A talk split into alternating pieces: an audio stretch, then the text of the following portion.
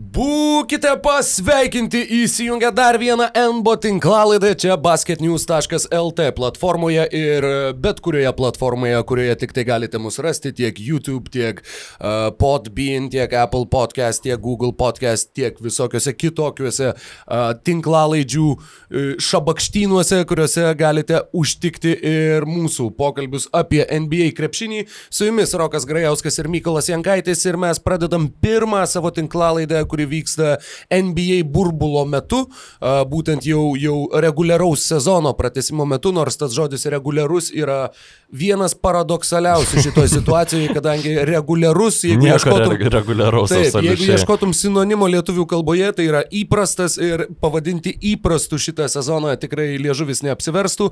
A, tačiau būtent dabar turime tą pirmąją a, burbulo tinklalaidę ir tuo pačiu ir paskutinę, kalbant apie reguliarų į sezoną. Ir vėliau susiklausysime jau tik tai atkrintamųjų varžybų metu, iki kurių lieka net tiek ir daug laiko, mažiau negu savaitę nuo akimirkos, kai mes pradedame šitą pokalbį.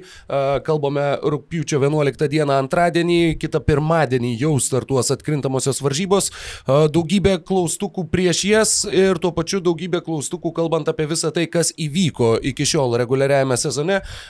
Turim, turim daug temų arba pustemių arba netgi ketvirtatemių, apie kurias norime pasikalbėti šiandien ir bandysime jas visas sutalpinti po dviem vėliavom, sudėti į du stalčiukus. Tai yra dalykai, kurie mus nuvylė arba pradžiugino NBA burbulo reguliariojo sezono pratesimo metu.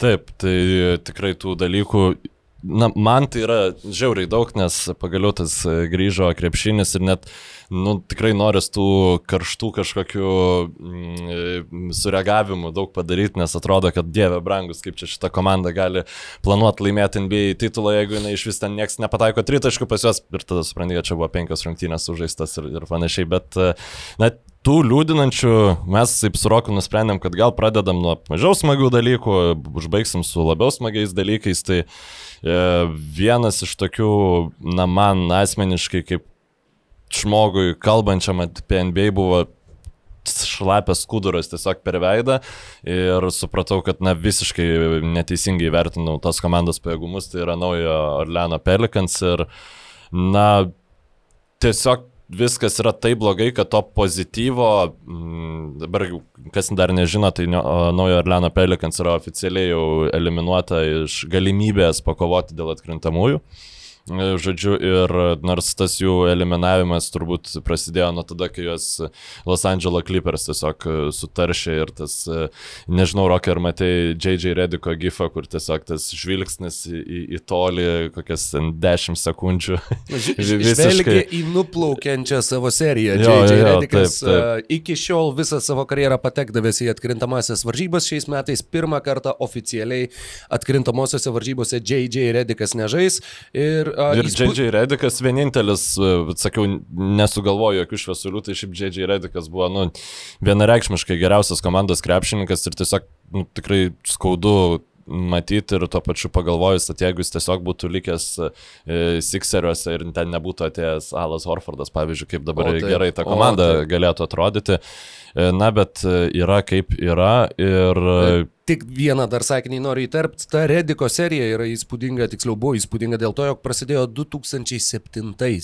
6-7 sezone jis atvyko į NBA ir su Orlando Magic iki 2012 žaidė atkrintamosiose, tuomet 13 žaidė atkrintamosiose su Bucksais, tuomet su Clipperiais iki 17 ir pastarėjai du sezonai Filadelfijoje ir tik tai dabar pirmas iki 36 metų sulaukęs J.J. Redikas nedalyvauja atkrintamosiose. Na, šiemet labai daug dalykų yra, kur, kurie įvyko pirmas iki apskritai, tai, tai jeigu, jeigu kurį, kurį sezoną Rediko šitą seriją galėjo nutrūkti, tai čia turbūt yra tinkamiausias tam sezonas, tačiau e, nekalbant apie Rediką, o kalbant apie tą patį Brendoną Ingramą, kurį čia neseniai aš karūnavau labiausiai patobulėjusiu NBA krepšininku, tai e, na, visa laimė man, kad ne į balsus, į, į žaidėjų pasirodymą burbulę ne, nėra atsižvelgiama vertinant šitiems, mm, balsuojant už tos titulus. Tai jeigu Bema Debajau toliau atrodo kaip absoliučiai fantastinio lygio centras, Brandonas Ingramas grįžo labiau, sakykime, savo tas Lakers dienas, tačiau net ir tai nėra didžiausia problema. Lonzo Bolas, žmogus, kuris šią vasarą taps apribotojų laisvojų agentų, na aš nežinau, kiek jis milijono prarado per šitas keletą rungtynių su savo tikrai prastu pasirodymu. Buvo lyg ir Lonzo Bolas atradęs kažkokį tai metimą iš tolėliau, jo visiškai nematyti, o jo problemos tai yra negebėjimas atakuoti iš pakrepšio, dar labiau buvo išryškintas e, priešininkų komandoje, na ir tikrai, tikrai, man tiesiog liūdna.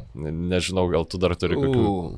U, dabar va, atsidariau jo būtent burbulo statistiką ir jo, liūdniau netgi negu liūdna, po mažiau negu 6 taškus iš žaidimo 26 procentai, iš žaidimo 3 taškų 19 procentų, nors sezone buvo 37 net ir pridėjus šitos skaičius.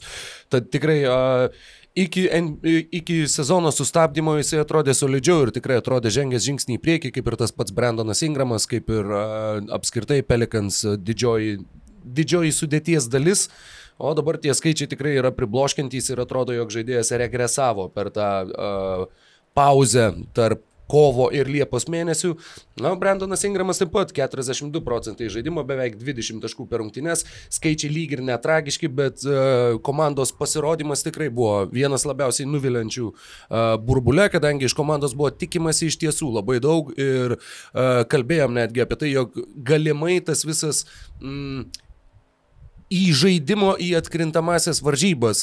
Motyvas sugalvotas šiais metais buvo iš esmės ir visas dizainas buvo sukurtas tam, jog Džemorantas ir Zajonas Williamsonas pritrauktų milijonus žiūrovų savo mūšyje tarp, tarpusavio dėl būtent patekimų į atkrintamasias ir Pelikans žnektelėjo veidų žemyn ir tikrai Jeigu dar sezono pratesimo pačioj pradžioje atrodė, jo komanda turi kažkokių vilčių, tai vėliau ir Zajono Williamsono tasai minučių reguliavimas ir keistas jo leidimas, neleidimas į aikštę, tarkim, kelinukų pradžiose, o ne kelinukų mhm. pabaigose. Ir daug klausimų dėl būtent šito rotacinio sprendimo. Ne, tu prasme, gerai, jis rink, rinko taškų, bet jis buvo absoliučiai minusinis krepšininkas e, Pelikans komandai, bent jau, na, mano nuomonė. Ta prasme, Aš vis dar noriu tikėti, kad Zajanas Williamsas yra tikras lokomotyvas, tačiau kol kas jisai e, labiau krepšinį žaidžia, na, kaip garvežys, žodžiu, kurį Tu... Man atrodo, kad čia sinonimai. Ne, žinot. lokomotyvas, ne? nugarvežys yra iš 19, 19 amžiaus pabaigos 20 pradžios, o jau lokomotyvas yra iš šių laikų. Ir lokomotyvą mm. yra žymiai paprasčiau. Šilumvežys. Žymiai paprasčiau yra išjudinti iš vietos, nes e, nereikia 50 žmonių krauti anglių į krosnį, kad jisai pradėtų judėti. Nes dabar kol kas tikrai atrodo, kad kai Zajanas Williamsonas išjuda, tai jisai na, atranda ir tą savo rolę gynybai kažkokia ir, ir polime yra efektyvesnis, tačiau va, išvyksta iš burbulo, žodžiu, ten kelias dienas nesportuoja ir jis atrodo siaubingos formos, žodžiu, ir vėl reikia iš naujo judinti ir, na, tikrai atrodo, kad e, jeigu mes palygintumėm, kaip jisai atrodė Duke iki savo tos pirmosios traumos, tai net to atletiškumo, tos prokstamos jėgos jis e, na, ženkliai mažiau atrodo, ne, ne, negu buvo anksčiau. Dabar jisai labiau eina per visas jo žaidimas per tą tiesiog savo didžiulę jėgą, kurios mm -hmm. jis turi, tačiau to a, atletiškumo yra gerokai mažiau. Ne, ir aš, jeigu anksčiau galvojau, kad Zajanas turbūt e, turi visus e, visas galimybės tapti geriausių pick and roll e, krepšininkų NBA lygoje su savo uh, vertikaliu aikštės praplėtimu ir, ir visais kitais dalykais. Dabar mes to vertikalaus aikštės praplėtimo šitam burbulė beveik nematėm. Ir iš tikro papuolimas, na, kuomet Zajonas buvo aikštėje, man jis atrodydavo labai nepatraukliai. Tiesiog, nu, bando lys po to krepšiu, aišku, eina tik per kairę pusę, žodžiu, ir e, labai labai tikiuosi, kad kažkaip dabar šitas e, antausis Memphis Pelicans bus ir taip pat prisikelimo signalas tiek ir Zajono komandai, e, kad e, na, reikia kažkaip e, maintainint, labai atsiprašau šitą išsireiškimą, na, išlaikyti. Išlaikyti, net neišlaikyti, bet, na, daryti kažką su to svoriu jo, nes akivaizdu, kad tai jam ne, ne tiek yra pagalbinis įrankis, kiek kol kas kliūtis, na, normaliai funkcionuoti NBA komandai ir aš labai tikiuosi, kad mes tiesiog e, Zajoną atsiminsim, na, po poros metų, kaip pat jam buvo sunku, kol jis e, atrado savo rolę, kaip jam dirbti su savim reikia ir, ir kažkaip, kad viskas pasikeis. Tačiau, nu, kol dabar labai, nu, liūdna, nuoširdžiai yra. Tikrai taip. Ir Pelikans su Sacramento Kings yra vienintelės dvi eliminuotos komandos kol kas šiuo, šiuo metu. Veikiausiai iki vakaro, tiksliau iki rytojus ryto jau turėsim tokių daugiau. Bet žiūrėdamas štai į į grafiką būtent šį vakarą vyksiančių rungtynių, aš noriu pažymėti tą, tą dalyką, kuris nuvylė ir kažkiek erzina mane. Tai yra būtent transliacijų laikas. Nors tai gali skambėti labai paradoksaliai, kadangi mes turim uh, Europai labai patogiu metu vykstančių rungtynių, tačiau tos Europai patogiu metu vykstančias rungtynės visada yra tie vadinamieji garbage games, uh, tai yra uh, tris kartus bent jau teko žiūrėti Washingtono Wizards uh, sulibdytą tų ne, netitinkančių žaislų tarpusavyje sudėti.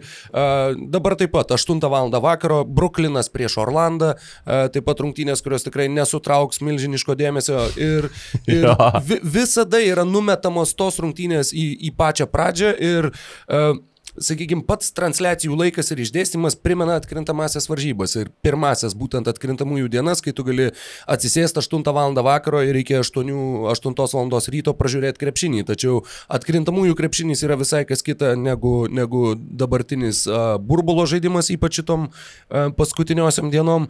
Ir būtent dėl to mane labai erzina, nes apskritai uh, atpratau elementariai nuo, nuo nemiegojimo naktimis viso sezono suspendavimo metu taip jau nutiko, kad atvirtau normaliu žmogumi ir beveik, beveik nebevampyrauju ir nebesėdžiu iki, iki pareičių prie NBA krepšinio. Ir dabar, jeigu aš, pažiūrėjau, ir noriu tą padaryti, jeigu aš pradedu žiūrėti 8 vakaro, išsėdėti iki 8 ryto yra tiesiog fiziškai jau pradeda akys lipti ir, ir dėmesį iš, išlaikyti darosi vis sunkiau ir sunkiau. Ir būtent dėl to tas transliacijų laikas mane iš tikrųjų erzina ir man nepatinka. Tad norėjau šitą, šitą įpinti į diskusijas apie krepšinį ir apie komandų rezultatus. E, galbūt kažkas prieštaraus ir kaip tik sakys, kad e, kaip šaunu, kad galim žiūrėti štai 9 vakaro ar pusę 10. Aš būčiau už tų žmonių. Man, tai, man tai, aš tai džiaugiuosi, nes krepšinę tikrai dabar matau daugiau negu matydavau. Ar, ar labai smagu žiūrėti, kaip Bruklinas su Vašingtonu žaidžia? Nu, kaip Bruklinas su Vašingtonu, tai nebūtinai, tačiau kaip žaidžia kokie raptoriai prieš grizlius, tai na, visai smagu buvo žiūrėti. Ir tik tai aišku, ne, arba tie patys raptors hit žaidėm, na, mums patogių laikų, tai buvo tų ir neblogų rungtynių, aišku, jos visą, nu, tikrai prime time games yra nustumiami tai, kas yra prime time Amerikai, taip, žodžiu. Taip. Bet va dar vienas tas liūdinantis dalykas, tai labai tikiuosi, kad daug būsimų Lietuvos rinktinės oponentų nežiūrėjo e, rungtynių Raptors prieš e, Memphis Grizzlies, nes tai kaip Raptors gynyba, na, išsityčiojo iš Jono Valančiūno.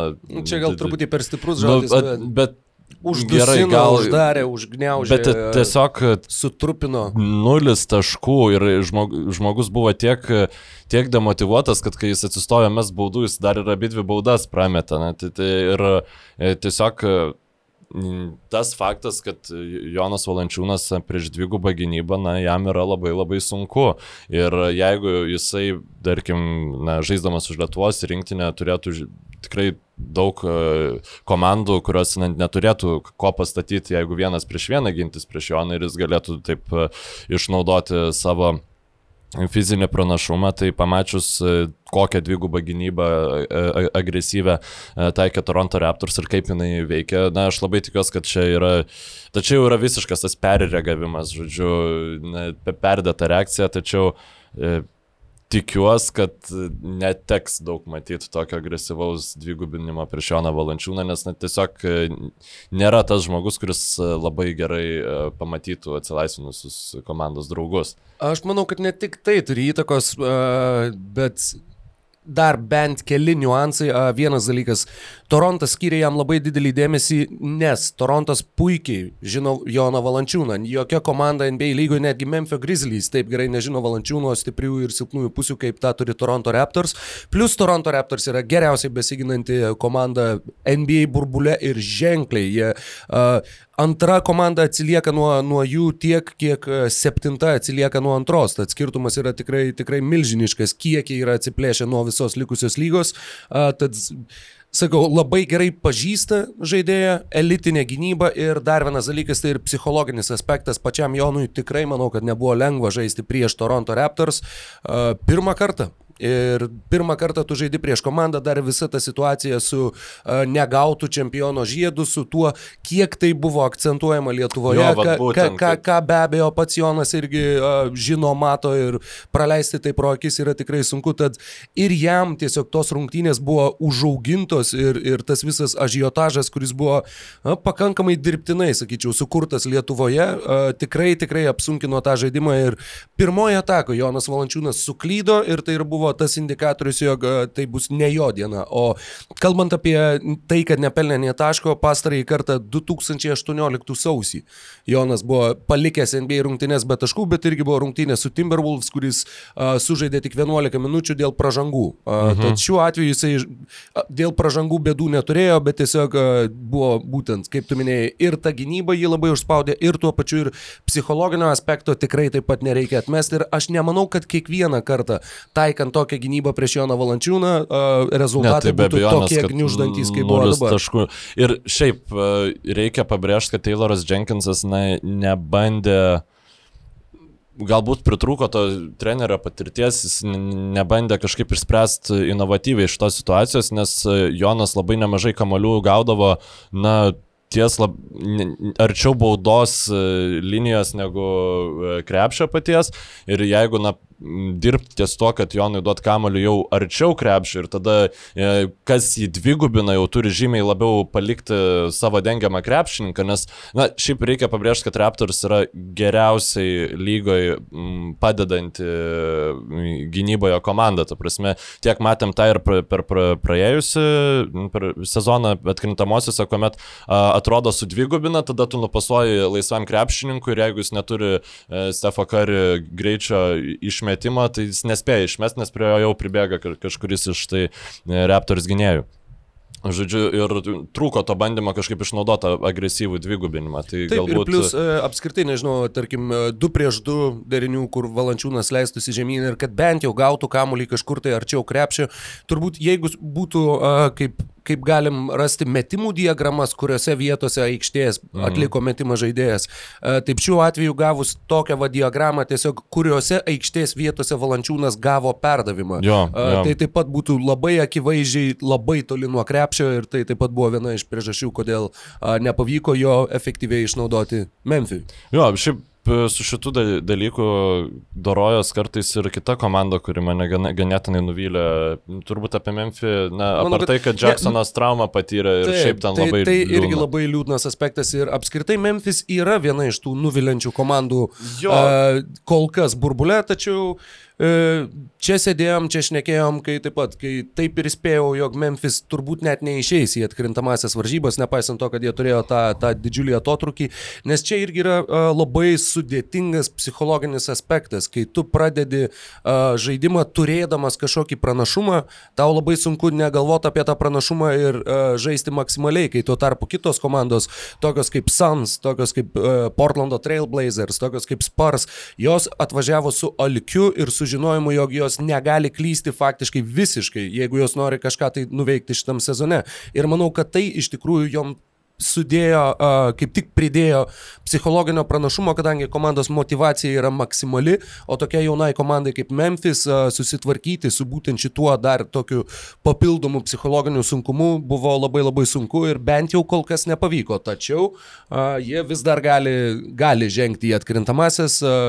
Dar... Jiem reikia laimėti prieš Bucks arba prieš Celtics, o turint omeny, kad Tayloras Jenkinsas yra buvęs Maiko Bunenhauserio kolega, tai ir kad Baksam tai bus paskutinės rungtynės, tai aš tikrai, e, na, nenustepčiau e, pamatęs, e, nežinau, ar Sanas Iliasovo atakuojančių gynėjų ten ar, ar panašiai. Nu, tokių... Labai gali būti. Ir šiaip apie Grizzlius dar tiesiog norėčiau pasakyti, kad na, nega, negalima jų pasirodymo lyginti su kokiu Pelikans pasirodymu. Taip, jie tų rungtynių pralaimėjo daugiau, bet nemažai rungtynių buvo na, iki pat paskutinės minutės, tos pačios pirmosios rungtynės prieš Portlandą Trail, Trail Blazers, jeigu jie jas būtų laimėję, iš esmės jiems jau būtų nieko daugiau ir nebereikėjo daryti e, šitam ir, na, ten tiesiog taip gavas, kad e, nepavyko. Jo, tas pirmas pralaimėjimas beje irgi buvo psichologiškai taip, e, taip, labai, nes labai ten jie pergalę, sunki jie visas rungtynės atsilikinėjo, tada buvo visiškai pradedamas išnaudoti Karmelą Antonį negebėjimas gintis ir jie labai greitai uh, susirinko vos ne dešimties taškų persvarą, kai kuomet atsilikinėjo nemažai ir tada rungtynių gale klaidos, neįmesti baudų metimai, žodžiu, ir to paties Antonį tritaškai lėmė pratesimo, pratesime jau, nu, e, tos rungtynės buvo paleistos, tad e, turint omeny dar paskui Jarono Jacksono jaunesniojo traumą, na, tiesa svarbu, kad jam įplyšo meniskas, jam nenutrūko meniskas priešingai negu Isaacui. Tai Jis dar yra vienas labai... E, Jonathanų Atsakui ne, ne meniskas, o kryžminiai raišiai. Kryžminiai raišiai, taip, labai atsiprašau, kelio fiziologija nėra mano stiprioji pusė. Žodžiu, ir uh, Ir gal tada ne apie mm, Grizzlius tiek, dar apie Filadelfiją. Aš, aš tikiu, tikiu, kad jie, jie gali išeiti dar prieš, perinant prie jau komandos, kurios uh, geografinės lokacijos pirmą pusę jau spėja ištart. Uh, dar vienas dalykas, kuris mane labai nuvylė, uh, yra uh, būtent vakar, tai yra pirmadienį, vyko pora rungtynių ir tai jau buvo tas laikas, kai, e, kai baigėsi Kedainių Bucket Summer League, kai baigėsi dar visokie reikalai, kuriuos turėjau ir kai jau galėjau normaliai prisėsti ir žiūrėti krepšinį ir buvau nusiteikęs sėdėti iki ryto būtent e, prieš, prieš šiandieną, tačiau pirmos dviejos rungtynės ir Oklahoma prieš Phoenixą. Išeina žaisti ir starto penketę Oklahomos žaidžia, tuoj palauk, net išvardinsiu tiksliai, kadangi tai buvo pakankamai įspūdinga. Abdela Neidarą tikrai atsimenu, taip, Maikas Muskala, Deirijus Bezley, Lugvansas Dortas ir Krisas Polas. Tačiau nėra visos eilės krepšininkų, kurie, kurie gavo polisio dieną, kas šiaip jau atrodytų kaip ir galbūt visai suprantama.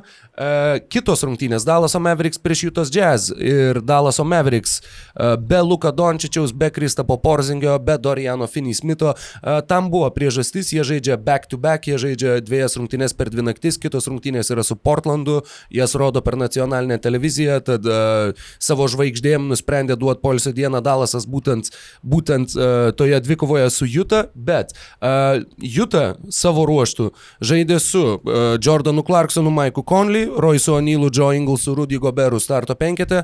Uh, po trijų kelinukų Juta turi, tuoj pasakysiu netgi kiek, plus 12, ketvirtą kelinuką Mavericks pradeda 16-0. Nu ir tu sėdi, lauki gerai, tai kaip čia va gražins starto penketo žaidėjus ir jų negražina. Ir Jutos Jazz baigia rungtinę su uh, čia, jo, Jaredu Brantley ir Johnu Tuckeriu ir Justinu Wrightu Formanu ir kitais krepšininkais, kuriuos matai, nu, Max trečią kartą gyvenime.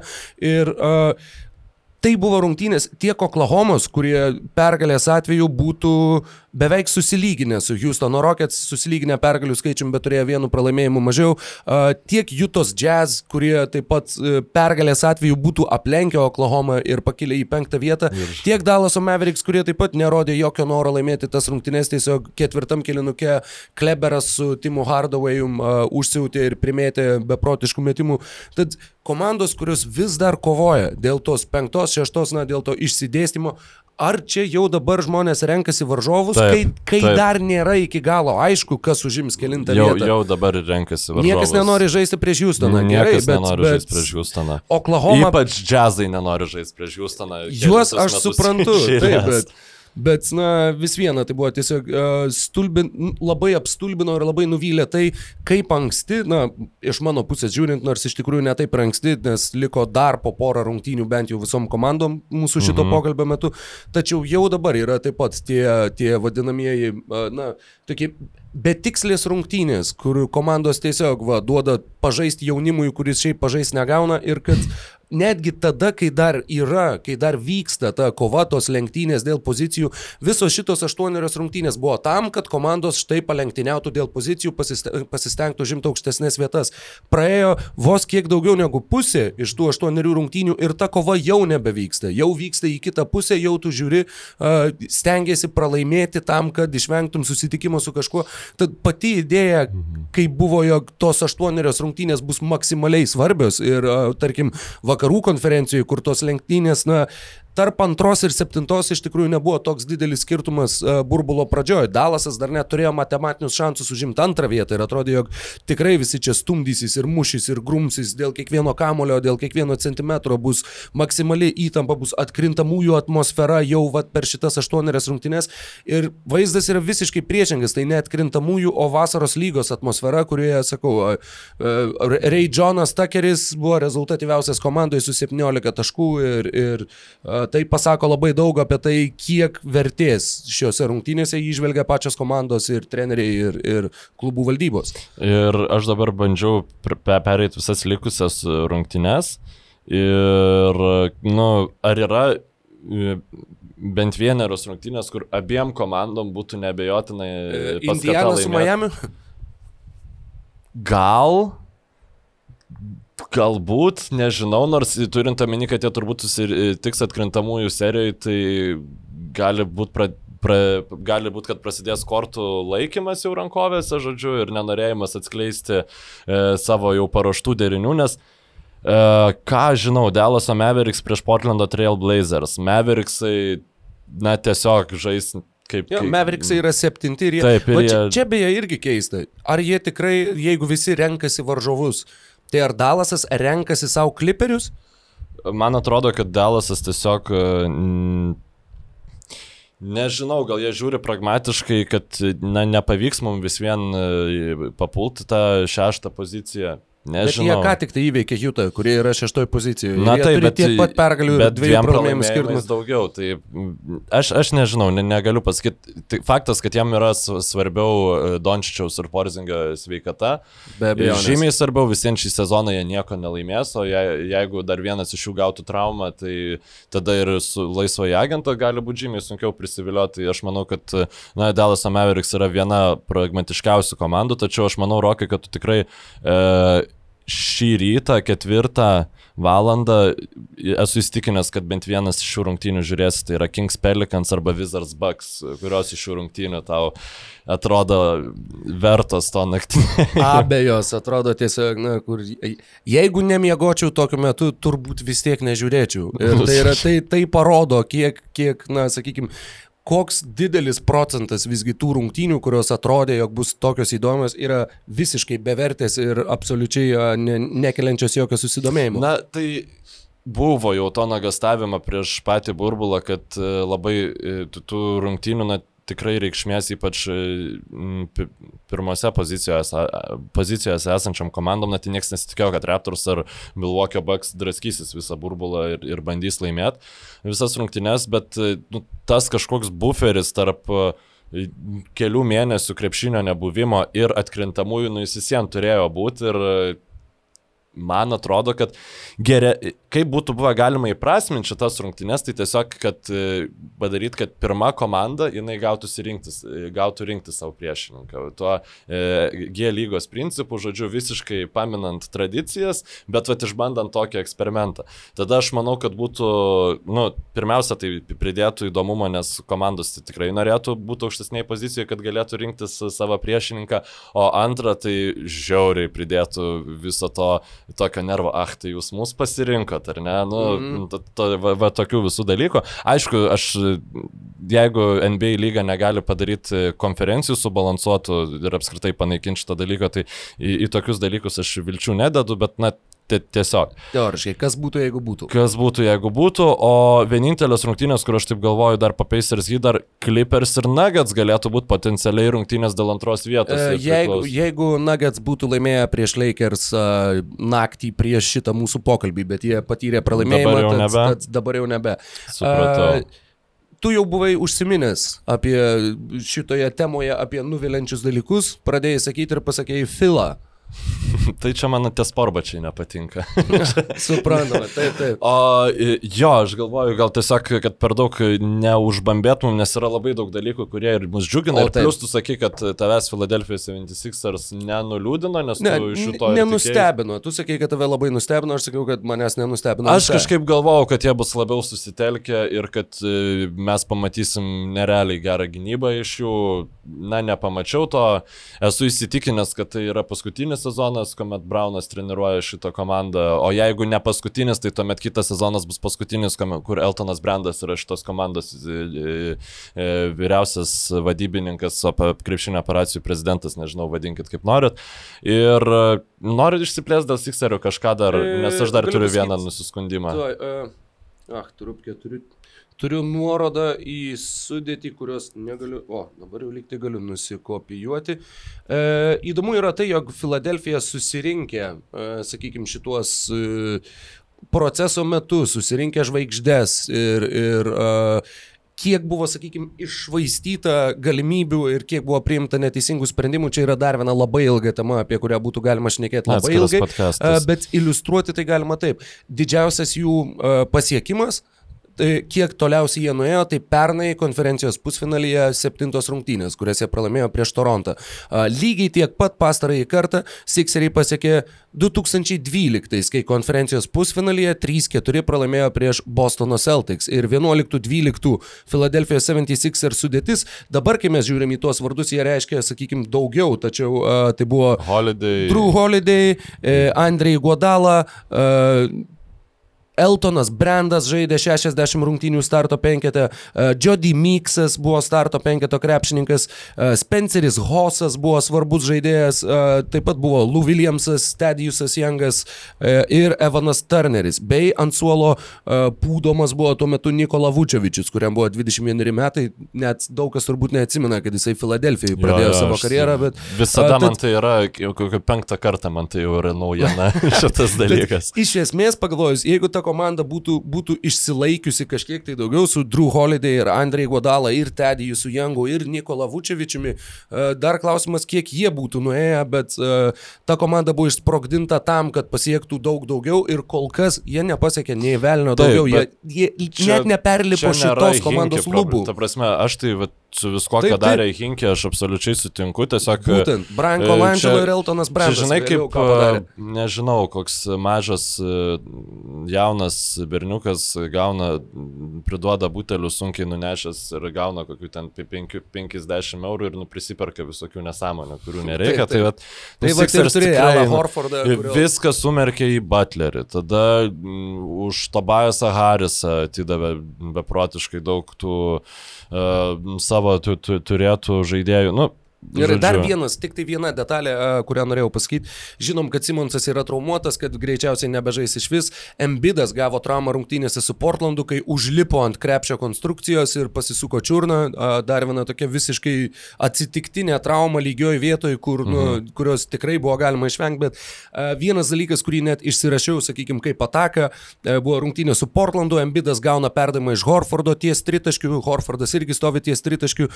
Embidas ties tritaškių kampe jį dengia Karmelo, Embidas pabando truputį padriblinguot, e, atmeta kamuolį Tobiasui Harrisui ir nubėga atsitraukti prie tritaškio kem 5 laipsnių kampų kai tave dengia Karmelo. Jo. Ir vat, to agresyvumo iš Embido žinau, kad apie tai jau šnekėjo ir Barkley, apie tai šnekėjo ir Onylas, apie tai ir mes truputį šnekėjom, bet net šitoj situacijai ir nebėra Beno Simonso, tu turėtum būti jau tas, ta ašis aplink kurią sukasi viskas ir kartais jisai tokiu stebėtinu pasyvumu Bet, žaidžia, kad net... Tai nu, nėra lengvas tik pakeisti viso savo žaidimo profilio, kai tu esi įpratęs, kad čia visada prie krepšio yra Benas Simonsas, kuris, kurio, tai... kurį ginantis krepšininkas visada ateis padvigubinti tave ir tu, tai bus Benas Simonsas, kuriam tu galėsi numest kamolį, tai nėra taip paprasta. Plus Karmelo šiaip jis yra nu, gan stiprus, jo, tai prasme, jo, jo gynyba po krepšių nėra pats blogiausias dalykas jo. iš jo gynybos visų gynybos niuansų. E, ir man atrodo, kad čia pagrindinis dalykas vis dėlto yra trenerio, nes tu turi lipdyti komandą taip, kad e, Embidas kamolį pasimtų net tritašką liniją, o jis jį pasimtų kaip įmanoma arčiau baudos aikštelės. Ant ūselio. Ant ūselio, taip. Nu, Na taip. Tai taip. dėl to aš manau, kad Braunas e, po šio sezono vis dėlto turėtų... Aš jį labai palaikiau daugybę metų, jisai e, šitiek pralaimėjimų susirinko su tais proceso sikseriais, mhm. ir, ir, bet dabar jau ir man atrodo, jog Bretui Braunui būtų pats ir laikas pa, pasakyti sudėję. Ir Alvinui Gentry, taip, du treneriai, kuriuos NBO podcastas po šito pasirodymo burbulė, na žinoma, Sixeriai dar gali nustebinti, bet aš manau, kad nenustebins. Ir, jo, ir... Sixeriai turėtų realiai išeiti į rytų konferencijos finalą, kad e, Taip. Brauno e, pasilikimas būtų... Pateisinamas. Jo, nu, su, suprantamas, pateisinamas. Taip. taip. Na, o kalbant apie dalykus, kurie pradžiugino mus šitame burbulė arba nustebino maloniai, Mykolai, tavo pirmas džiugesys. jaunesnysis, e, krepšininkas, kur, na taip, mes matėm jo šiokių tokių pliūpsnių, tačiau tikrai negalvau, kad jis gali būti tuo žmogum, koks jis buvo prognozuo, ko iš jo buvo tikimasi, kai jis dalyvavo tam Nike Hoop Summit, e, žodžiu, ir vis buvo absoliuti talento viršūnė, e, žodžiu, ir tada jis ten gavo tų krūvą traumų ir realiai du kalendorinius metus jisai buvo out e, iš krepšinio ir šį sezoną jis taip atrodo, na taip, va, taip, tai gerai sužaidžia, tai labai prastai atrodo, buvo, žodžiu. Buvo ir tikrai labai gerų rungtynių. Jo, bet dabar jisai e, visas rungtynes atrodo labai solidžiai ir žaidžia po 35 minutės, tai turint omeny, kad e, yra krepšininkas, kuris du metus buvo užsivilkęs raudonus marškinėlius ir e, pelno va, 24 taškus per rungtynes, 9 kamolius netgi atkovoja, kas vėlgi yra, jis, man atrodo, toks kontakto privengiantis labiau žmogus. Ir tikrai atrodo, kad tai bus, na, Galbūt net antras, e, antra opcija Denverio Nuggets e, komandai. Ir aš dabar visai tikiu, kad Denverio Nuggets ateinantį sezoną gali būti to geriausias spalimas lygoje, antras pagal gerumą, na, ta prasme, labai labai dideli lūkesčiai vien dėl to, kad e, Nikolo Jokičius toliau yra nerealus. O Michaelas Porteris jaunesnysis yra tai, ko Denverio Nuggets na, neturėjo labai labai ilgą laiką. Tai Faktiškai tiesiog- nuo Karmelo. Turbūt. Taip, taip, To- taip. to- Ir jis yra labai žaidėjas. Karmelo tipažo Taip, žaidėjas. e, ir Duranto, Karmelo, būtent tas toks e, aukštas ir vienas prieš vieną galintis išmesti metimus, kurių tu faktiškai neturi vilties blokuoti. Taškų pelnytojas. Taip, ir taip. šešerios rungtynės, žinoma, labai maža imtis, bet tavo minėti skaičiai dar vienas įspūdingas, prie jų yra taiklumas, tai 57, 46, 96, tai net ne 50, 40, 90, o 55, 45, 95, netgi tiek Jo, viršyje. Uh, bet žinoma, tai tik tai šešerios rungtynės, bet uh, Michaelas Porteris be abejo, jeigu Bol Bolas turėjo savo e, šlovės akimirką po pirmų rungtynių, kai uh, tas visas sukeltas ažiotažas ir, ir uh, lenktynėse dėl geriausio visų laikų krepšininko vardo jis buvo vienai dienai aplenkęs uh, Jordaną ir Lebroną ir vat, tas uh, iki sezoninių pirmų rungtynių Bol Bolas atrodė kaip kažkas absoliučiai fantastiško ir nežemiško. Tai dabar Michaelas Porteris jo susigražino uh, tą, tą potencialą, tą statusą, kurio iš jo buvo tikimasi. Tuo pačiu Žinoma, jis gauna metimų labai daug dar ir dėl to, jog Džemalas Murray, Gary Harrisas, Vilas Bartonas, trys starto penketo žaidėjai buvo jau traumuoti. yra, nu, tai kaip jis dabar atrodo, tai aš manau, net jeigu ir Bartonas su Harrisu būtų sveiki, aš pirmiau jiems duočiau, pirmiau Porteriui duočiau atakuoti krepšį negu tiems Jo, dviems jo. krepšininkams. Mariai, žinoma, visai kita istorija, jis siūlo labai kitokio profilio atakavimą ir, na, šitie trys žmonės, prie jų pridėkim Bartoną, kuris šį sezoną atrodė labai neblogai ir e, Harrisą su metimu iš nešio, o Praeito. praeitą arba už Mm. praeitų sezonų. Ir mes turim labai labai pra- patrauklią komandą. Taip pat ir Bol Bolo, na, akivaizdu, kad šitas krepšininkas jis yra Nuggets planuose, ko aš e, sezo, reguliariojo sezono metu aš dvėjojau, aš galvojau, kad tai gali būti vis dėlto, kad mes jo taip ir net nepamatysim nor, normaliai žaidžiančio, aš dabar manau, kad vis dėlto bus bandoma su, Jo. su juo siet e, Nuggets ateitį ir tokia penketas, kur yra Porteris, Bolbolas ir Nikola Jokičius vienu metu aikštėje, na, nu labai įdomu tiesiog. Taip, tikrai taip. Ir tai yra, e, sakykime, prabanga, kurią jie turėjo galėdami savo leisti šaukti traumų kamuotus naujokus, kurie nusirito žemai dėl savo sveikatos būklės, kadangi jiems nereikėjo labai staigiai kažkokio didelio uh, indėlio iš tų naujokų, jie Taip, galėjo savo leisti taip. palaukti, kol jie išsigydys traumas. Uh, šita, šita strategija atrodo labai pasiteisinusi bent jau kol kas. dėl savo darbo, tai tas A, yra labai svarbu, nes jo dažnai, pavyzdžiui, Niksai dabar padraftintų kokį tai krepšininką, kuris du metus ne, nežaistų. Tai, nu, man, nemanau, kad ir mes palankiai apie juos tus du metus kalbėtumėm ir, Jo, ir jo, panašiai, žinai, o, pas, o apie, apie porterį, ne, nu, pa- pasiėmė, tai pasiėmė, nu, ką galėjo pasimti, tai aš dabar net neatsimenu, bet tikrai ne, ne kažką įspūdingo. Ir ten, kad kokie Pistons, pavyzdžiui, ne, nepašaukė jo, na, kuriam žiauriai reikėjo va tokio su, Daug superstaro Niksai pasirinko. Knoxą vietoj, vietoj Michaelo Porterio. Tad, uh, vienas dalykas, kuris, aš nežinau, net irgi uh, tarp taip savotiškai pradžiuginęs e, yra, iš vienos pusės mane erzina tie užrašai ant marškinėlių, dėl kurių tu būtent, kai tu žiūri, kai žaidžia Johnai, Takeriai ir Vraitai Formanai, atsiprašau, man labai skauda širdį dėl tų rungtynių, dėl to juos vis paminiu šiandien, bet uh, ir tie užrašai, kai tu ne, negali suprasti, uh, kas čia toks apskritai, kadangi jeigu žaidėja rodo stambių planų, vis viena ant jo nugaros tu matai tik viršutinį užrašą, o ne apačią, kur yra užrašyta jo pavardė. Uh, bet kas man patiko, man patiko žaidėjai, kurie savo kalba susirašė visas tas žinutės. Buvo Lugvensas Dortas užsirašęs kreolų kalbą, kuria yra kalbama Haityje ir O, geras. kitur Karibuose.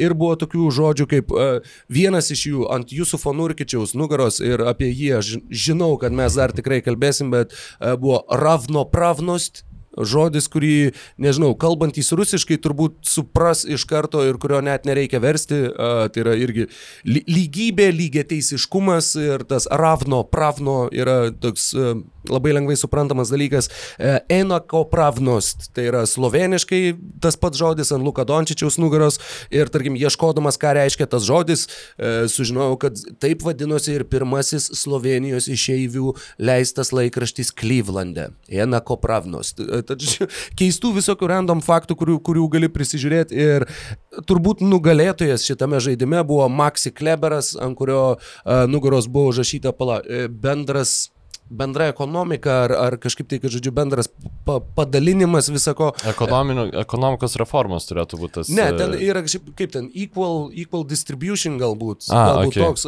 Ir tai, žinoma, skamba taip nuostabiai ir kai tai užrašyta ant nugaros, tai atrodo iš vis fantastiškai. Tai yra Gleichverteilung. ir tų visų šitų beprotiškų žodžių, nežinau, mane kažkaip, aš tikiu, kad kitus gali dar labiau erzinti, negu kad, visi, negu kad pats faktas, kad nematai žaidėjo pavardės didžiąją rungtynių dalį, bet e, tuo pačiu man kaip, kaip a, ne tik skaičių ir sporto, bet ir kalbos žmogui, a, mane visi tie kosminiai pavadinimai tikrai, tikrai labai žavėjo ir žinau, kuo ir tu labai džiaugiais ir kuo ir aš labai džiaugiausi, tai turbūt geriausias derinukas šūkio, kurį užsirašė ant nugaros ir tavo numerio, ir tavo pavardės yra Vote for Millsap. Taip, tikrai, ta prasme. Pats geriausias iš visų, tikrai, šimtų procentų. Atrodo, kad jisai pats bolotiruosis kažkur labai netolimų metų.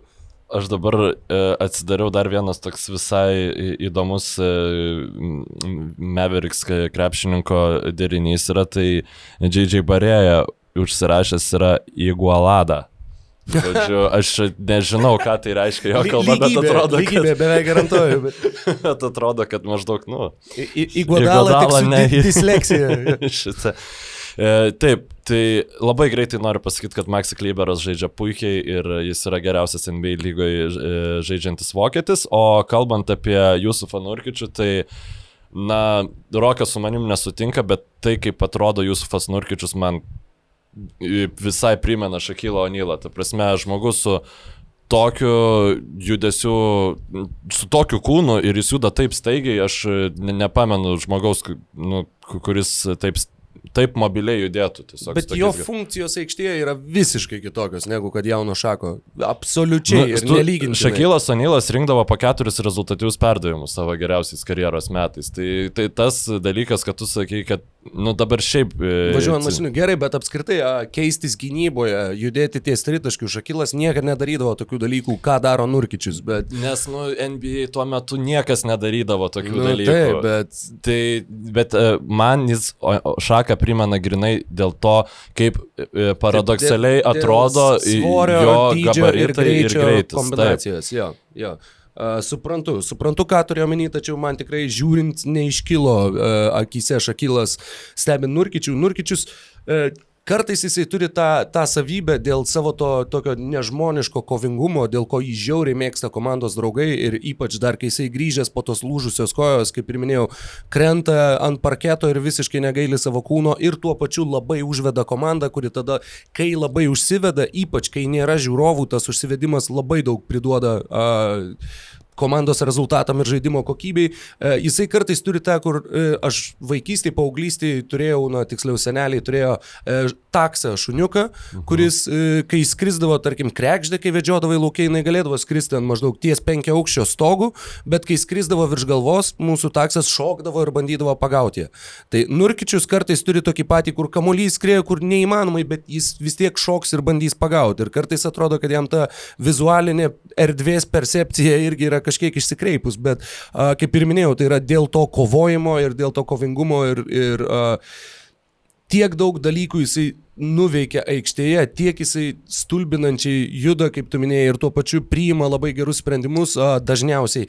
Ir a, jisai, sakykime, turi, kaip čia paaiškinti, Portlando centrų vaiduokliai man tiesiog matosi virš jo galvos jam žaidžiant, kadangi vienintelį kartą jie tapo čempionais 77 su Billu Waltonu, kuris po to susilaužė koją ir po to iš jo nebeliko nieko. E, buvo istorija su Semu Bowie, kurį jie pasišaukė vietoj Michaelo Jordano, kai turėjo mhm. galimybę tą padaryti 84 biržoj. E, buvo istorija su Arvidu Saboniu, kurį, kurį jie pasišaukė, jisai negalėjo atvažiuoti, atvažiavo po 10 metų, jau taip pat su suvarytom kojom ir, ir būtent sveikatos Gregas problemų. Odanas.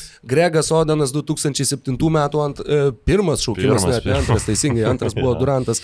Uh, tad tiek yra daug vidurio polėjų su sveikatos problemom ir ypač su kelių, kojų lūžiais ir kad dar vienas vidurio polėjas, ką tik tai susilaužęs koją, na tas ką tik tai žinoma saliginai, tačiau ką tik tai grįžęs į aikštę po labai sunkios traumos, žaidžia ir krenta ir sakau, ir visiškai negaili savęs ir atrodo, kad kažkokia krepšinio karma yra Portlando pusėje, būtent kalbant apie Nurkičių ir atsižvelgiant į visą tai, kiek jie faktiškai atkentėjo dėl vidurio polėjų, per vidurio polėjus, per savo visą klubo egzistavimo istoriją. Tad aš dar ir iš tos pusės labai na, pajutau žiūrėdamas pastarosiose rungtynėse, jog man norisi sirgti tiek už tą komandą, tiek ypač už mhm. -huh. jūsų fanurkičių, be abejo, ir už Lillardą, kuris yra visiškai išskirtinė asmenybė, kalbant apie superžvaigždės. Ir pašnekėjom apie Nurkičių, paminėjau Lillardą, dar vienas dalykas, kurį norėjau paminėti, yra e, keitėsi dabar Portlando komentatoriai, prieš tai e, komentavo, man atrodo, bičias pavardę Kalabrija e, su tokiu kitu savo kolega, dabar to bičio play by play nebeliko, jį pakeitė kitas žmogus, liko tik tai tasai e, color komentatorius, kuris tiesiog analizuoja situacijas, kai yra kartojimai mhm. ir, ir panašiai. Manau, kad jeigu kažkas žiūri šitą tinklalaidę ar klauso jos, tai žino, kas yra play by play ir color komentatoriai, e, bet kad ir kiek žmonių ten keistusi, tai kaip Portlandas savo uh, namų transliacijose pozicionuoja Damieną Lillardą yra, yra kažkas fantastiško, nes jie visą dabar, va, kur buvo, kur su Paulu Džordžu, su Beverly apsižodžiavo ir kur irgi komentatoriai apie tai šneka ir kur akcentuoja, kad bet Damienas, Damienas, jis niekada nepradėtų pirmas. Jis tiesiog, jeigu pasako, jis atsako ir tas, kaip yra piešiamas, sakykime, to sektino pavyzdžio uh, paveikslas ir, ir kokį tą sektiną pavyzdį jie bando suformuoti ir kaip, sakykime, būtent kokį personažą sukurti su kokia įtaka iš Damieno Lillardo, tai yra labai gražus dalykas ir aš tuo negaliu, negaliu atsigrožėti jau daug metų stebėdamas Portlando rungtynės. Jo, Lillardas e, apskritai turi vieną geriausių, kaip čia pasakyti, sezono, kokius gali turėti gynėjas metantis tritaškus, jeigu tavo pavardė nėra Stefas Kari, nu, ta prasme, tai Mm, kitom aplinkybėm, jeigu Nurkičiaus koja nebūtų lūžus, jeigu Ariza būtų žaidęs visą sezoną ir jeigu žaistų dabar, tai mes apie tai... Lillardą kalbėtumėm kaip apie top 3 MVP kandidatą, aš esu to visiškai tikras, tiesiog nu, e, aplinkybės. nelemtos aplinkybės. Ir, ir kaip pagalvoju, jie pernai buvo konferencijos finale, jo, jie žaidė ten, jiems labai pasisekė, nu, kad jie nuėjo konferencijos, konferencijos finalas. Finalo, bet, ne, bet žinai, kitiem nepasisekė ir tiek. Uh, Toks trumpas tik tai perėjimas ir kalbant apie Clippers, visą laiką sakiau nuo sezono išvakarių, viso sezono metu sakiau, nu ir vis dar iš esmės sakau, kad Clippers yra pagrindiniai favoritai laimėti titulą, bet vienas dalykas, kuris man vis labiau neduoda ramybės, yra Polas Džordžas. Nes jis, jis yra labai svarbus, jis yra antra opcija ir, Ir aš nesku, jis yra labai geras dabar. žaidėjas, labai geras krepšininkas, bet būtent psichologiškai jisai, na, aš kažkaip, aš įsivaizduoju situaciją, kur lemiamose rungtynėse jisai labai norės išmesti lemiamą metimą ir dėl to atliks kažkokį durną sprendimą, paleis nesąmonę ir Clippers pralaimės lemiamas rungtynės dėl to, kad Polas Džordžas labai norėjo būti didvyriu. Uh, nes tas įspūdis tikrai susidaro. Apskritai, Polas Džordžas pastarąjį kartą iš pirmo atkrintamųjų varžybų etapo išėjo 2014. 2.14. Jis žaidė ir Pacerius, žaidė Oklahomoje, žaidžia štai dabar Clipperiuose su Kawhi Leonardu. Na, Būtent tai, kad jis yra labai geras žaidėjas, bet tuo pačiu jis kažkaip nesugeba nueiti nors kiek toliau. Tas pats Lillardas ką tik žaidė konferencijos finale, gerai, taip, jo, žaidė ten prieš grybus, ten pasisekė eiliai vietų ir taip toliau, bet vis viena tai yra pasiekimas, kurio, kurio Polas Džordžas neturėjo nuo, nuo pirmų ar tai antrų mano komentuotų NBA rungtynių, kas buvo siaubingai seniai. A, tad būtent šitas klausimas mane truputėlį neramina, a, kalbant apie Clippers šansus iškovoti titulą. Kad Nu, ir kaip tai paradoksaliai skambėtų. Įdomu, nes aš atsimenu, kaip e, Polas Džordžas papasavo CJ. Ne, ne tai buvo. CJ Milesas metė tritaškį jo ir Polas Džordžas apstaugė jį po rungtynių, kad Jo, tai aš turėjau mes. Bet aš dabar galvoju, ar tu neturėtum tokios pačios baimės, pavyzdžiui, nu, atsukam metus atgal, ar ne, ir tu matai Kawhi Leonardą ir šalia yra Kailas Lauriu, kuris Aš yra... turėjau tą baimę. Tai va, ir tiesiog Kawhi Leonardas yra antiek geras krepšininkas, kur na aš... Bet nemanau- Kailas Lauriai, Kailas Lauriai neturi va to herojiškumo ir Dabar ne, neturi tokio galim galvoti. Ne, bet jis ir prieš Nes- tai tokio jisai neturėjo. Sakykime, nu, vat, e, anksčiau turėjo to bukagalviškumo daugiau, kai apskritai Raptors tiesiog žaidė labai bukagalviškai. A, bet, et, sakykime, ta branda žaidėjo jau buvo pradėjusi ateidinėti, jau, jau matėsi, jis jau nebedarydavo tokių, uh, tokių metimų, kaip kad septintose rungtynėse su Bruklino Nets, kur tu lipi į tris medžius vienu metu ir gauni stogą. Ir Polas Džordžas, man atrodo, kad dar ir šiandien padarytų kažką tai panašaus vien dėl ego ir ambicijų, kurios, sakykime, jo ego gerokai viršyje jo pasiekimus. Nu, šiaip dienai ga, gali būti, jeigu jau taip netpikinant, labai gaila, kad mes tu, turėjom kalbėti apie pozityvius dalykus ir dabar 10 minučių stumė ant Paulo Džordžą, bet e, kadangi jis pernai e, iki savo pėties traumas jis buvo, apie jį pastoviai buvo kalbama kaip apie vieną iš MVP Taip. Kandidatų ir panašiai, tai na, jam gal dabar ganėtinai Ir skaudu, jie kad jis neišėjo iš pirmo etapo. E, Taip, na, jis ne, ne, nebuvo e, normaliai dar atsigavęs po traumos ir realiai jis tik dabar atrodo e, fiziškai taip, kaip jis atrodė to, sezono pirmoji pusėje, tad gal, galbūt tavo šita teorija turi to validumo šitų klausimų. Aš tai, kažkaip... Tai, tai net ne teorija, tai tiesiog toks uh, intuicija ir šeštasis jausmas. Ir aš tai tikiuosi, kad jie nueis toli, kad Clippers pagaliau pirmą kartą klubo istorijoje bent jau iki konferencijos finalo nueis, uh, bet matysim, matysim, kaip tai atrodys. Pozityvūs dalykai. TJ Warrenas pardavė sielą Mickey Mouse'ui ir uh, išdarinėja nesveikus dalykus. Uh, kiek labai tave nustebino? Šiaip tai nu, labai nustebino, nu, aš, aš, mes su tavim kalbėjom, kad Brogdanas ir Warrenas tiesiog mes daugiau, bet e, kad ten pelnytų, pavyzdžiui, Warrenas po kokius 25 taškus per rungtynes ir aš visai būčiau nenustebęs, bet būčiau galvojęs, kad tai bus visiškai pralaiminčios rungtynės ir tai, na, tiesiog bus Dylan, Ale Dylanas Bruksas, nu taip pavadinkim. Pasiemė metimus, ku- kurie, kurių galbūt jam neturėtų skirti, bet jis tai daro žiauriai efektyviai. Ir a, atmetus rungtynės, kuomet prieš jį gynėsi uh, Bridges uh, Sansu, i- Milesas Bridges ir Jimmy Butleris, na tikrai labai, labai kybus ir puikiai besiginantis krepšininkai, ypač apie Bridžą dar paskui norėsiu pakalbėti. Tai, Jeigu dar turėsim laiko. Jeigu dar turėsim laiko. Nu taip, žodžiu, Bridžas ir Cameronas Johnsonas ir Cameronas Peinas žaidžia gerai, dėl to Sansai yra, yra 6-0. taip trumpai. O Warrenas tai mane labai nustebino ir netgi šiek tiek optimizmo uh, sukėlė, nes, nu, jį žiūrint atrodo, kad Varnas gal jis ir visada taip žaidė, nu čia kažkaip, gal, gal aš kažko neprisimenu, ta- tai netrodo taip, nu, nenatūralu, kad e, negalėtum tikėtis, kad atkrintamosiose mes to visiškai nepamatysime. Aišku, Miami Heat turbūt yra viena blogiausių komandų, būtent TJ Warreno žaidėjimui testis, o Taip, Pacers ši- turbūt- ši- šią naktį ir sutarčia Miami's Indiana ir Warrenas buvo uždarytas 5 iš 13 gal metimų ar kažkas tai panašaus. Taip, nu, bet mane nustebino labai ir labai pozityviai ir ir tiesiog Pacers galvosūkiai nenustoja tęstis ir ta komanda Taip, iš Neitas viso yra kaip, kaip jo. tie uh, tas atrakcionų žaidimas, kur išlenda kurmiai, tu trenki vienam per galvą, Saboniui trauma, išlenda Warrenas, ten Oladipo trauma, Brogdanas išlenda, atrodo visas penketas išsitraumuotų ir tada Makonelis pradėtų po 20 taškų Jo, ir po trigubą 12 dublį. rezultatyvių Taip, taip, Nu, taip, taip. Aš Sakau, ir dar, dar sėki komplimentai Neitui Makmilanui, kad jisai sugeba būtent, e, kai, kai nulūšta, kai nukertama dar viena galva tam Pacers Libinui kažkokiu tai būdu iš kažkur išauginti naują. Ir tuo pačiu ir TJ Warrenui, be, be bejonės e, žaidėjas, kuris... Buvo- Boj, Bojanas Bogdanovičius labai panašiai išlindo, kai irgi e, buvo daug traumų. Bojanas ir- Bogdanovičius buvo gautas kaip Ta prasme, Pacers, e, nu, atidavė, aš neatsimenu, kaip jis buvo gautas, bet jis nebuvo gautas į Pacers komandą kaip neigiamas salary. Pacers dar gavo iš Suns antro raundo šaukimą, kad pasiimtų TJ Warreną, kur jau praeitą sezoną buvo labai keista, kad TJ Warrenas žaisdamas už Phoenix'o Suns pradėjo pataikyti tritaškius. Phoenix- Phoenix'o Suns nusprendė pasinaudoti tuo ir atsikratyti to neigiamo kontrakto.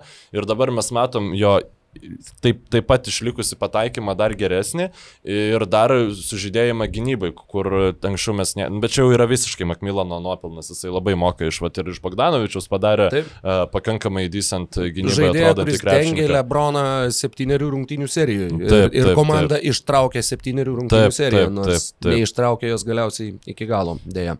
Uh, jo, tai nežinau, daugiau džiuginančių dalykų dar turi kažkokių Na, pasižymėjęs. tai šiaip apie Phoenix'o Suns reiktų pakalbėti, kad e, labai e, aš pats kritikavau Camerono Johnsono pašaukimą, tai 23 metų polėjas, e, dėl kurio buvo iš esmės jie nusimainė į apačią, nes nu, jam niekas nepatiko, kas ten buvo viršui ir, ir taip gavo tą Camerono Johnsono šaukimą, berots 13 jie jį pa- pasiemė ir nu, tai šitas krepšininkas atrodo žymiai labiau tinkantis Phoenix'o Suns starto penketui. negu- 11 netgi. 11. Ir, ir Kobe White'o reakcija buvo nemirtinga. Tai buvo jo komandos draugas ir kur Kobe White'ą pašaukė mm. Čikagą ir jam besėdint spaudos konferencijoje ir kalbant kažkas jam pasakė, mm. kad, kad va, Cam Johnsoną pašaukė 11 ir jisai šaukė He went what? ir tai labai labai. Ir Na, dabar Cameronas Johnsonas atrodo šiek tiek, na aišku, jam yra 2-3 metai, jis yra žymiai arčiau jau galutinio to produkto, tačiau tas galutinis produktas puikiai tinka prie Deandre Eitono ketvirtų numerių.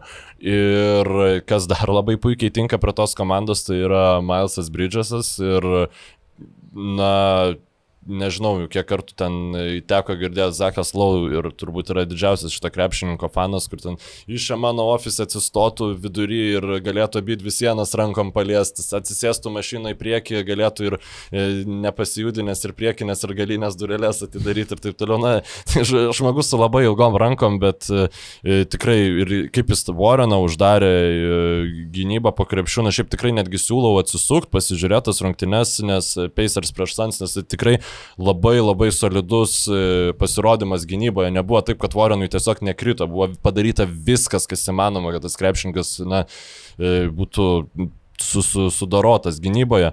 Ir taip pat aš e, dabar jau esu įstikinęs, kad Phoenix'o Sans na, privalo merkt pinigų į Fredą Van Fleetą. Na, nebūtinai privalo, bet tai būtų labai akivaizdus nuostabus tikmuo vat, prie tų keturių krepšininkų, prie Bukerio, Bridžo, Johnsono ir Reitono ir tiesiog... Jo, tai būtų labai simpatiška komanda.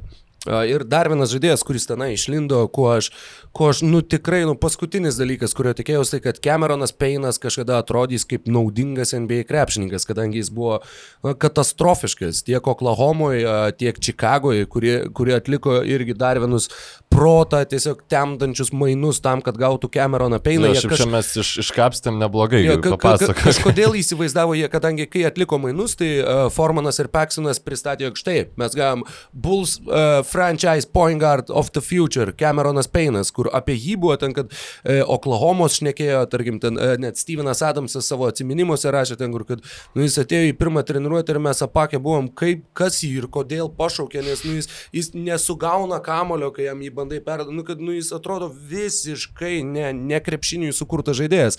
Ir tie mainai, kuriuos atliko Oklahoma su Čikaga, buvo e, 2008, sorry, ne 18, 17 vasarį E, Oklahoma gavo Touch Gibsoną ir Dagą McDermottą iš Čikagos ir negana to dar ir antro rato ateities šaukimą 2018 biržos, e, kuriuo vėliau Oklahoma jį perleido į New Yorką ir tuo šaukimu buvo pašauktas Mitchellas Robinsonas, tad Touch Gibsonas, Dagas McDermottas ir šaukimas tapęs Mitchellu Robinsonu už e, Cameroną Payną naująjį žalgirietį Geoffrey Laverną ir Anthony Morrow, kuris taip pat jau senokai lygoje nešmežuoja netgi trečiam plane. Morrow turi vieną mano pozityviausių ir mėgstamiausių mm, Players Tribune. Tu, e, gabaliuose, ai. Kur e, professional bench player, žodžiu, ir ten, kaip, nu, jisai sakė, Taip, aš padavinėsiu rankšluošius, jeigu man reikės, aš tipo esu lygo ir man už tai moka ir tipo, jie, kai reikės išeiti garbage time, aš atiduosiu viską ir, žodžiu, nu, la- labai fainas, Geras. pasiskaitykit. Tai mm, jo, Cameronas Peinas uh, nurungė Elio Kobo, Tyler Jerome ir Džavoną Grantą, pastumėjo į atakuojančią gynėjo poziciją. Javoną Carterį. Džavoną Carterį, labai atsiprašau, e, pastumėjo į atakuojančią gynėjo poziciją ir taip išsprendė dalinai tą na, atsarginio įžaidėjo neturėjimą, nes e, Ricky Rubio iki šito burbulo buvo geriausia plius minusą, man atrodo, turintis e, Sans krepšininkas, vien dėl to, kad bet kas, kas jį pakeisdavo, nu ten būdavo tragedija. Tai campaign, kaip to krepšininko yra pravardė, tai didi, Cameronui Payne'ui labai dideli pliusai. Ir šiaip Phoenix'o Sans yra turi laimėti visas rungtynes, kad papultų į tą play-in turnyrą. Kai, kai, kaip paradoksalu atrodo tas, kad jie buvo pakviesti, bet vis dėlto jie uh, spaudžia maksimumą. Pabaigai, a, nežinau, 15 sekundžių max atsakymas tavo, kas išeis į atkrintamasis vakaruose kaip aštunta komanda? Blazers. Puiku. Bet e, nenorė. Nu, bet arba Blazers, arba Grizzlies. Tai- E, Blazers arba Suns. Mano, mano spėjimas būtų toks ir su šitais spėjimais manau, kad ir galim su, su, sumušti žaibą ir padėkoti visiems, kurie skyrės valandą savo laiko šiai tinklalaidai. Ačiū Jums visiems, kad klausot, ačiū, kad žiūrit, ačiū, Ačiū, kad, kad patroninat. palaikot, taip, pa, patroninat. Ir mus galite rasti, kaip jo Rokas sakė pradžioj, e, YouTube Basket News kanale, Apple podcast, Google podcast, Podbean platformos įrašė žodį NBAS į paiešką, ten galite užsiprenumeruoti ir visos kitos audio platformos, kur jūs e, klausotės podcastų. E, Mes su jumis susiklausysim jau mūdu, tai e, rugsėjo mėnesį aš turiu tokių planų, kurie nebuvo pritaikyti tam, kad vat, rūpiučio gale vyks NBA playoffai, žodžiu, ir na labai gaila, bet iki kitų susitikimų. Laimingai laikykitės ir gero visiems krepšinio. Jisai.